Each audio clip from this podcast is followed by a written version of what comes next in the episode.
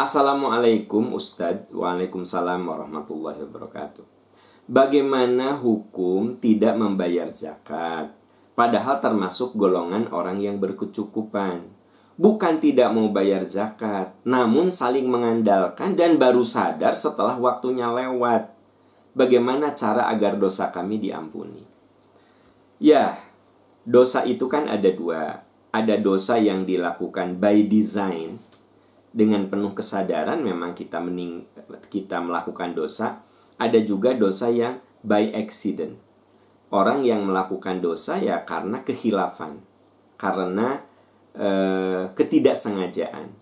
Nah makanya dosa itu ada dua ada zunub ada sayiat kalau zunub ya seperti misalnya di dalam surat 39 ayat 53 Yagfiru dzunuba.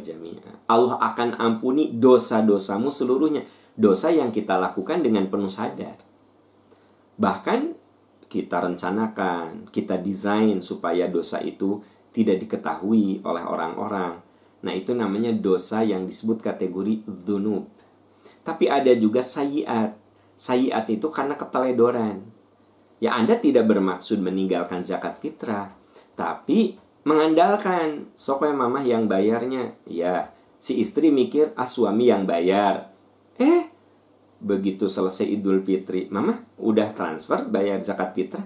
Belum sugante ku papa. Nah kalau itu mas sayiat. Ya anda tinggal bertobat saja kepada Allah. Rabbana zolamna anfusana wa illam taghfir lana wa tarhamna lanakunanna minal khasirin. Karena kalau kita zakat fitrah selesai idul fitri fa innahu sadaqatun fa innaha sadaqatun minas sadaqat.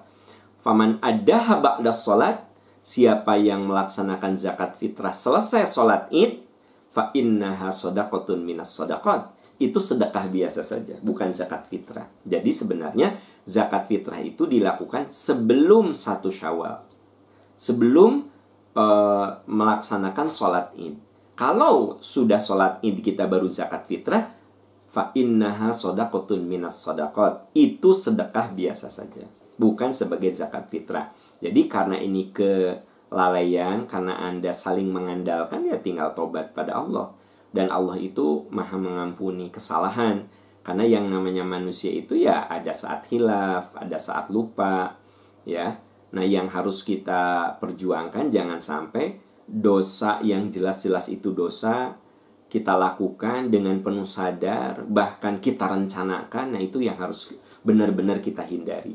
Adapun yang sifatnya by accident kan itu di luar di luar uh, ya boleh jadi karena kita tidak sensitif terhadap hal itu. Nah, itu dilatih dengan sensitivitas kita dilatih sehingga nanti kita termasuk orang yang tidak lalai dalam uh, melaksanakan perintah Allah, tidak lalai dalam meninggalkan dosa-dosa. Wallahu a'lam bisawab. Jadi Bapak tinggal tobat saja sama Allah, mohon ampun. Ya, udah selesai. Karena zakat fitrahnya juga waktunya udah selesai, ya. Wallahu a'lam bisawab.